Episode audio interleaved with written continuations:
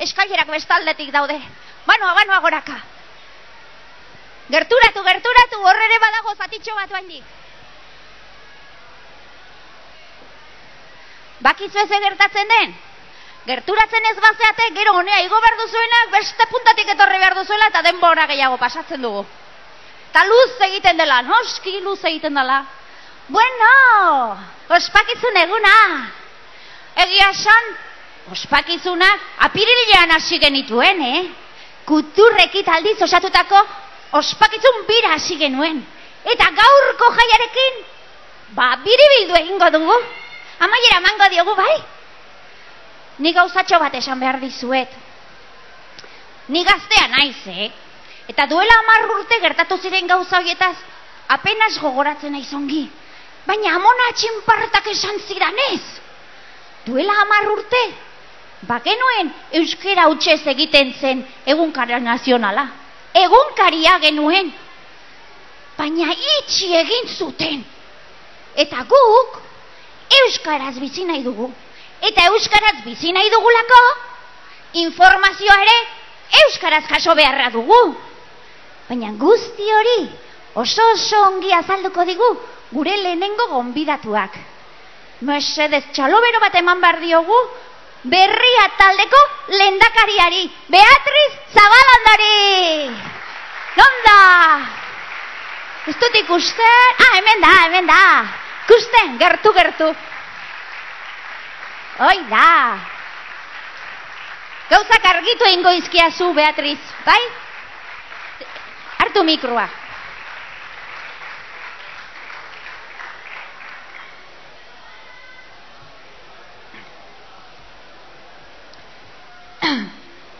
Ongi etorri guztiok, berriaren etxera, denon etxera. Eskerrik asko etorri zareten guztioi, Eusko Jaurlaritzako ordezkariei, Gipuzkoako foru aldundikoei, Donostiako udala, Andoaingo udala, Euskalgintzako ordizkari guztioi eta irakurle, arpidedun eta berria salea guztioi. Gaur ospatzen, gaur ospatzeko eguna dugu. Berriaren lehen zenbakia kaleratu bai genuen atzo amar urte. Aixe pasatzen dira batzuetan amar urte, baina seguru nago hemen gaudenetako askorentzat oso garai zaila ere izan dela berria sortu zen bezala sortu zelako. Lehenengo amarkada du berriak, baina proiektu hau ez da duela amar urte jaio, duela hogeta iru baizik. Ez dugu astu nahi, ez dugu astu behar nondi gato zen. Mila bederatzireun eta laragoita marrean, egunkaria sortzen taldean bildu zirin euskaltzaleek, adore handia erakutsi zuten asmo oso urritikoa zirudien baten inguruan. Indarrak bildu, proiektu forma eman, gizarteari jakinarazi, jende askoren ilusioa piztu, dirua bildu, taldea osatu, kasetari oso gaztei kanfiantza eman eta aurrera egin. Alaxe abiatu zen Euskaldunon egunkaria, eta hainbat probaren ondoren lehen zenbaki argitaratu zen abenduaren zeiko hartan. Nik arrezkero egunkariaren eguna esaten diot abenduaren zeikoari, eta seguruen izela bakarra, ez ez. Rotatibati atera ziren lehen aleekin sekulako posa hartu genuen, ura baizela ospatzekoa. Eta alaxe ospatu ziren urtero urtero abenduaren zeikoak, Beti ospakizun xumeak eginez, elkarri gogoraraziz eta bezarkat, eta bezarkatuz. Baina egia da, gero eta arroago geundela egiten ari ginen egunkariarekin. Gero, amairu urtera, itxi egin ziguten egunkaria, eta oraindik ere lanak ematen du sinisteak oldarraldi ura gertatu zenik ere. Zoritxarrez, zaurilarriak utzi zizkigun horregatik ezin dugu astu.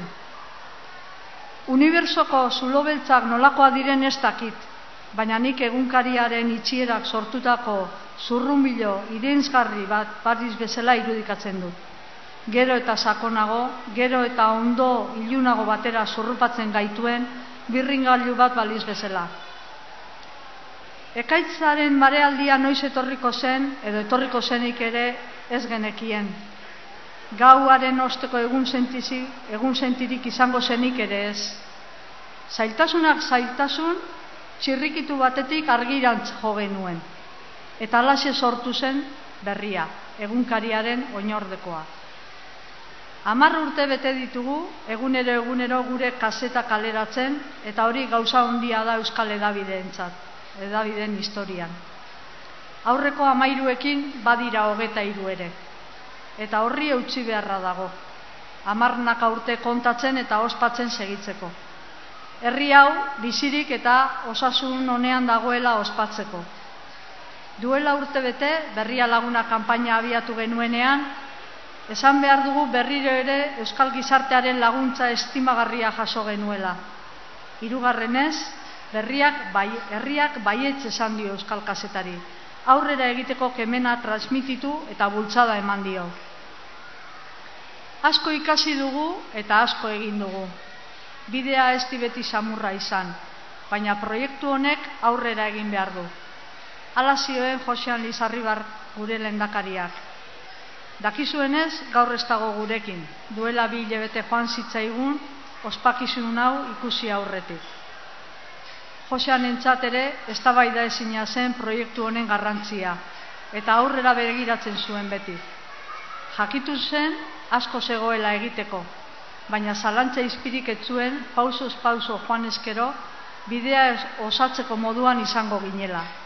Egiten ari ginela, Eta hori da gaur ere gogoratu nahi duguna. Bidea egiten jarraitu behar dugula. Etorkizuna eraikitzen ari garela. Joseane garaizailetan hartu zuen berriaren ardura eta gugan ilusioa piztu, pizten jakin zuen eta proiektua perspektibarekin ikusten lagundu zigun. Gure eginkizuna, egunkariko horriak egunero letraz betetzea baino askoz gehiago zela sinestarazi zigun. Ez dira gutxi egunkariak eta berriak egin dituzten urratsak eta lortu dituztenak. Hizkuntzaren modernizazioa, euskara edozein esparrura ekarri du eta munduko edozein txokotako gertakusinen berri ematen du.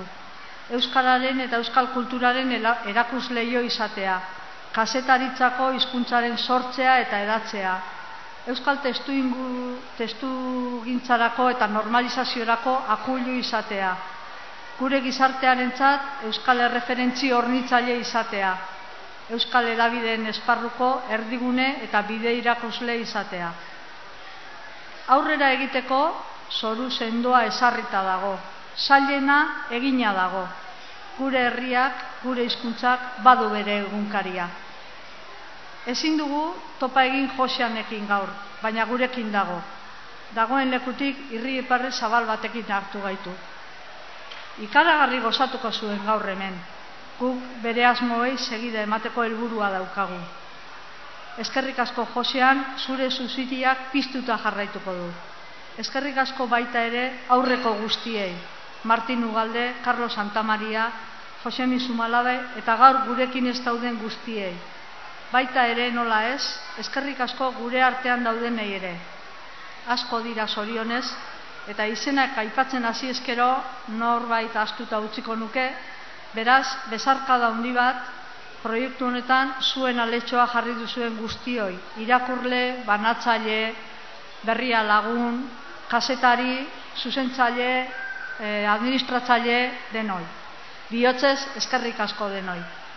Carlos Santa Mariak gaurko kasetaren eta edabideen martxa ezagutu izan balu, mila bederatzi deunda laragoita bian, amabian parkatu, Euskal Unibertsitateaz esan zuena parafraseatuz hau esango nuke. Antzinako lanak etziren alperrik izan. Berria abiada osoan dago. Euskal Herri guztiaren zerbitzurako. Zerbitzurako, parkatu. Deno gara berria, deno kerria. Ondo pasa. Eskerrik asko, ez aldegin, Beatriz. Ez aldegin. Begira,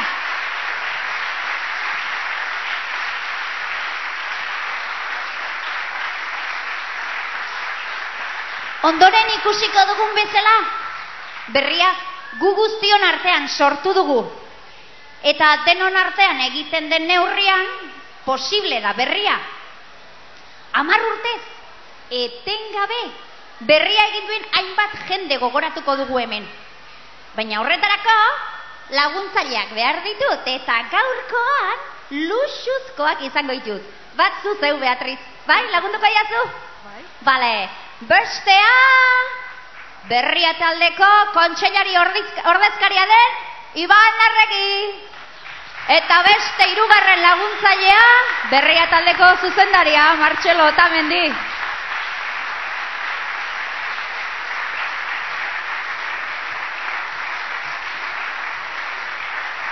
Neretzat privilegio hutsa da, eh? Hiru hauek nere laguntzaile.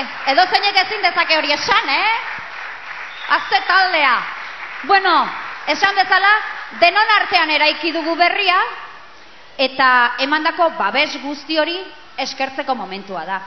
Guk irrien lagunaken badugu mezu bat, eman da jaso, jaso da geman elkartasuna da gori, eman da jaso, jaso da geman baldago gederra gori. Bai?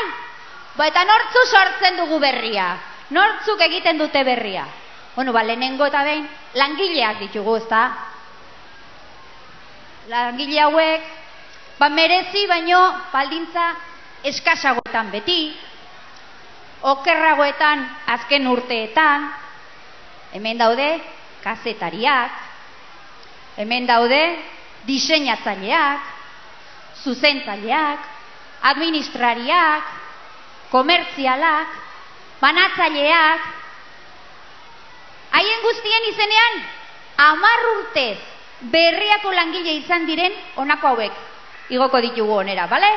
Gaur beraiek hartuko dute oroigarria. Batetik, Oskar Angulo, Aitzi Berlaskibar, Edorta Goikoa eta Mailu Beloki.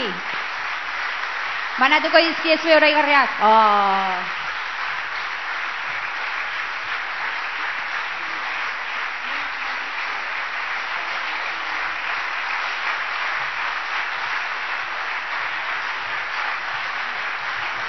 Zorionak denoi eta izenean dauden langile guzti guztiei.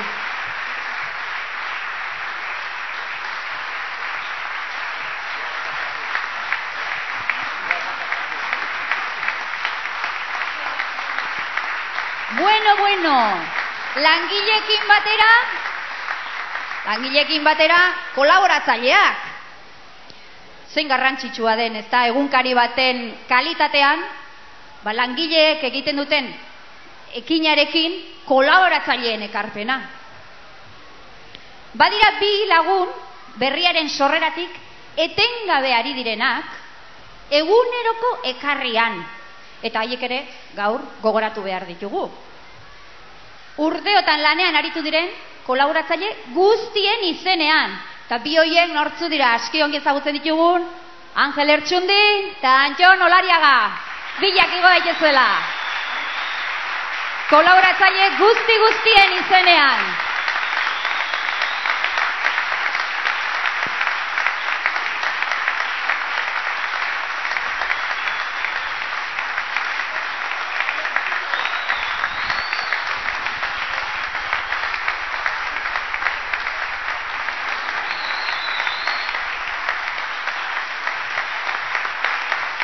Argazki politia egiten ari gara, eh? Hau da berria. Bueno, eta egunkariak, eta gainerako edabideak, egite hutsa ez da nahikoa. Horretarako behar ditugu irakurleak, behar ditugu hartzaileak, bestela zer lirateke ez da, gure egunkari edo edabideak. Ba, zuen guztien harrerari esker iraundezake berriak gustuko duzuelako, erosten duzuelako, ekarpena egiten duzuelako, berria, berria laguntzaretelako alegia, bai? Amar urteotan arpidedun izan diren bost lagun igoko dira onera, baina berriaren aldeko apostua egin duten arpidedun guzti guztien izenean. Eta hau dira, endaiako Juanita Kalbete, Igo dadila, Bea Saingo, Belen Agirre Dorrontzoro.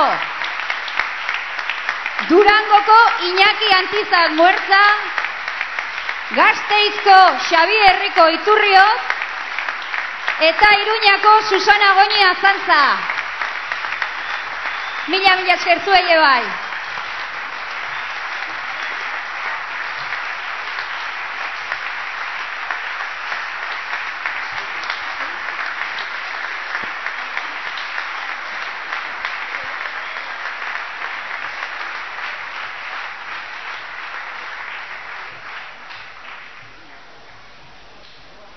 Bueno, eta edabideen bizitzan, bideragarritasun ekonomikoan ere, publizitatea oso oso garrantzitsua da. Eragile asko erabaki du publizitatea berrian egitea. Eta badira hamar urteetan, bezero izen diren batzuk. Eta guzti hoien izenean, publizitatea bertan egiten duten izenean, etorriko da Gipuzkoako itxasmendik arabana. Kainara etorriko da. Txalo bero bat!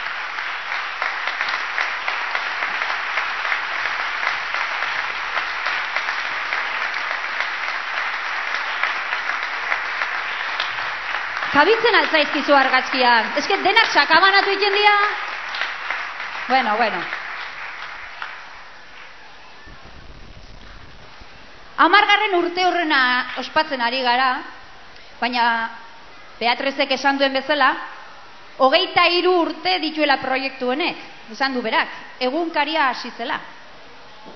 Egunkaria itxi zutelako sortu behar izan genuen berria baina proiektuaren jarraipena baino ez da hau, egunkariaren jarraipena.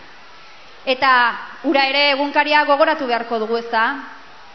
Horregatik, dei egingo diogu baita ere, lendakaria izan zen Juan Mari Torrealdai, eta kontseilari ordezkari izan dako Iñaki Uria, jaun nahi.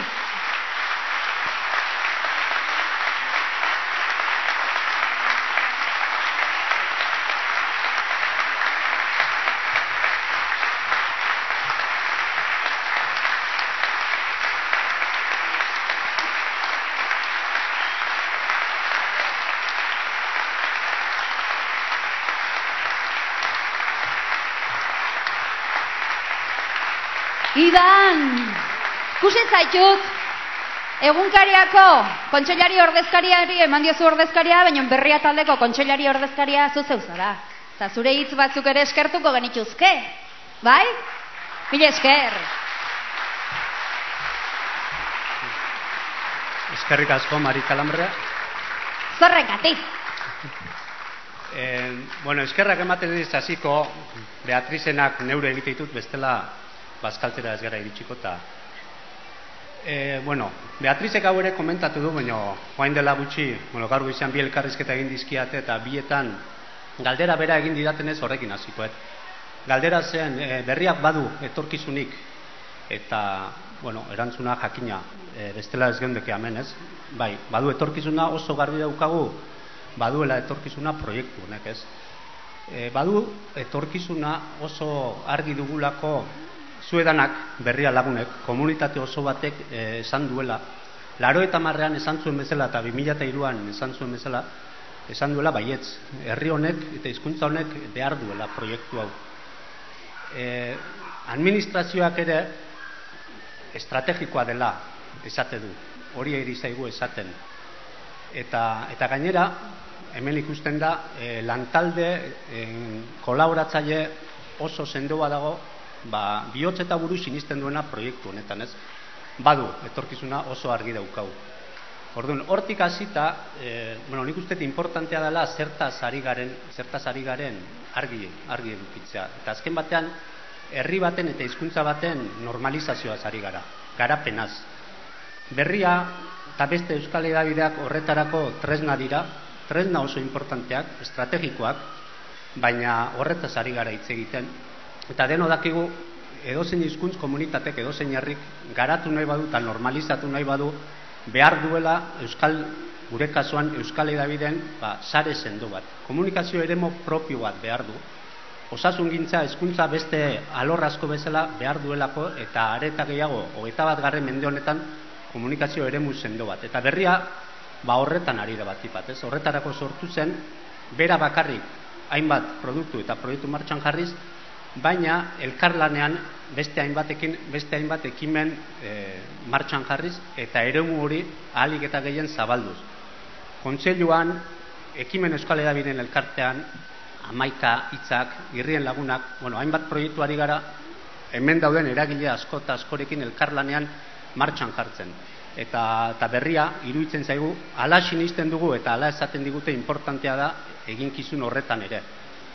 E, berria berak, eginkizun horretan, erronkak oso garbi dauzka zein diran e, amarnaka kontatzen segitzeko. Eta oso garbi baldin badaukagu gauza bat da gure funtzio soziala, gure egitekoa kasetaritzari eta informazioari lotuta dagoela. Gero teknologia izango da bat edo bestea, soporta izango da bat edo bestea, baina horri lotuta dagoela gure eginkizuna. Interneten, kaleetan, herrietan informazio, badakigu zenbat informazio ari den mugitzen, baina gure egitekoa da hori jaso, zailkatu, ondo antolatu, eta gure filtroetatik eta gure kultur nortasuna eta izaera kontuan hartuta hori ondo kontatzea, azken batean ondo kontatzea ba herritarrei eta eta arpideunei, ez? Hori da gure egiteko nagusia eta jakina hori ondo egiteko soportea importantea da, teknologia, innovazioa oso importantea da eta horretan ari gara. E, bueno, horri lotuta, horri lotuta oso importantea dan beste eremu bat eta kontuan hartu behar duguna beti da eraginkortasuna. Hori ondo egiteko eraginkorrak izan behar dugu. Enpresa bat gara, hori ezin dugu eskutatu eta ez dugu eskutatu behar e, diruak gurean ere eragina duelako eta, eta askotan nahi baino gehiago hitz egiten dugu horretan, baina kontuan hartu behar dugu, ba, egunero egunero eta hilero hilero gastoa daudelako eta, eta hainbat nomina pagatzeko. Eraginkorrak izan behar dugu ekonomikoki eta eraginkorrak izan behar dugu helburuei begira. Importantea delako e, jarraitzaileak izatea, irakurleak izatea eta kontsumitzaileak izatea, bestela alperrikari gara lanean. Eta horrekin lotuta e, erronka nagusi bat azken urteotan, hasieratik hasieratik izan duguna eta azken urteotan e, indartzen ari garena e, etorkizuna berma dezaken oinarrietako bat delako, eta da komunitatea. Da guk sinistea eta guk sinestaraztea eta denok sinistea berria gu danoga gerela, ez? Beatrizek esan du zuzara berria, zuzara herria, hori esateatik aparte hori lantzen ari gara landu nahi dugu. Dirua eskatuko dugu jarraituko dugu eskatzen. Hori gure geneetan ere sartuta dago baina hori baino gehiago da berria komunitatea. Hori baino gehiago nahi dugu. Nahi dugu komunitateak bere egitea berria eta berriak bere egitea komunitatea.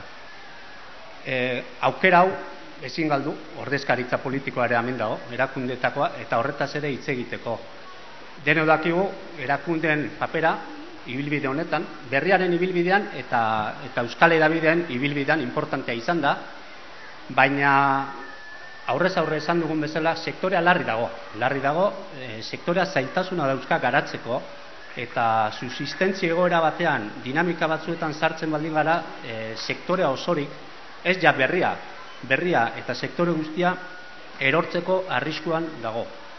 Hori da realidade bat eta hori kontuan hartu behar dugu guk sektore bezala eta administrazioak ere bai, bakoitzak dagokion tokitik. Alde horretatik guk oso garbi dugu diru laguntzen edo finantzazio publikoa egonkortasun dinamika batzuetara pasatu behar dela.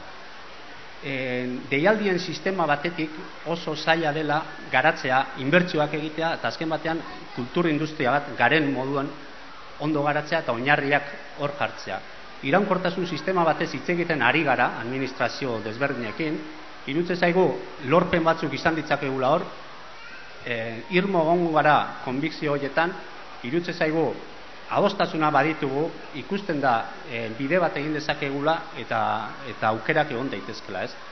Eta bukatzeko, bueno, eskerrak emanda geratzen dira, e, pixka bat komentatzea, oinarri horien ganean lanera ari galela, eta aseran esan bezala, seguru gaudela, amarnaka kontatzen jarraituko dugula urrungo urteetan. Eskerrik asko.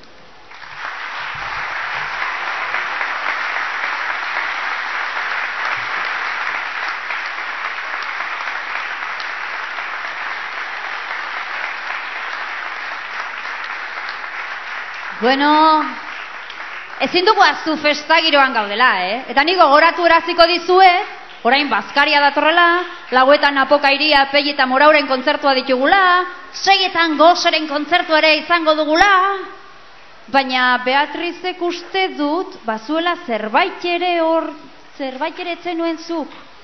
Ainararen artean eta Beatrizen artean eta atzekaldean zerbait dago.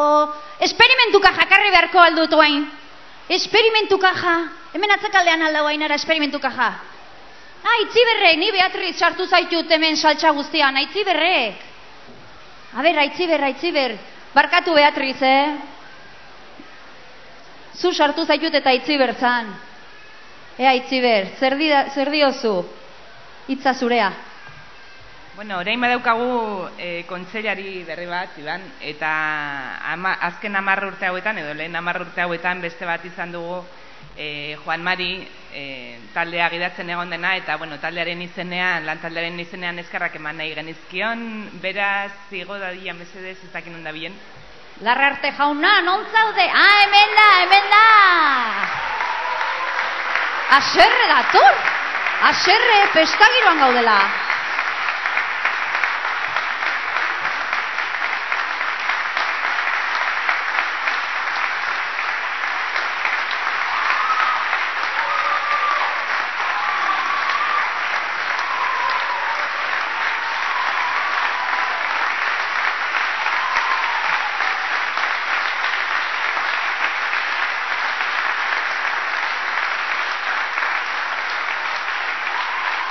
Bueno, eta gure aldetik besterik ez.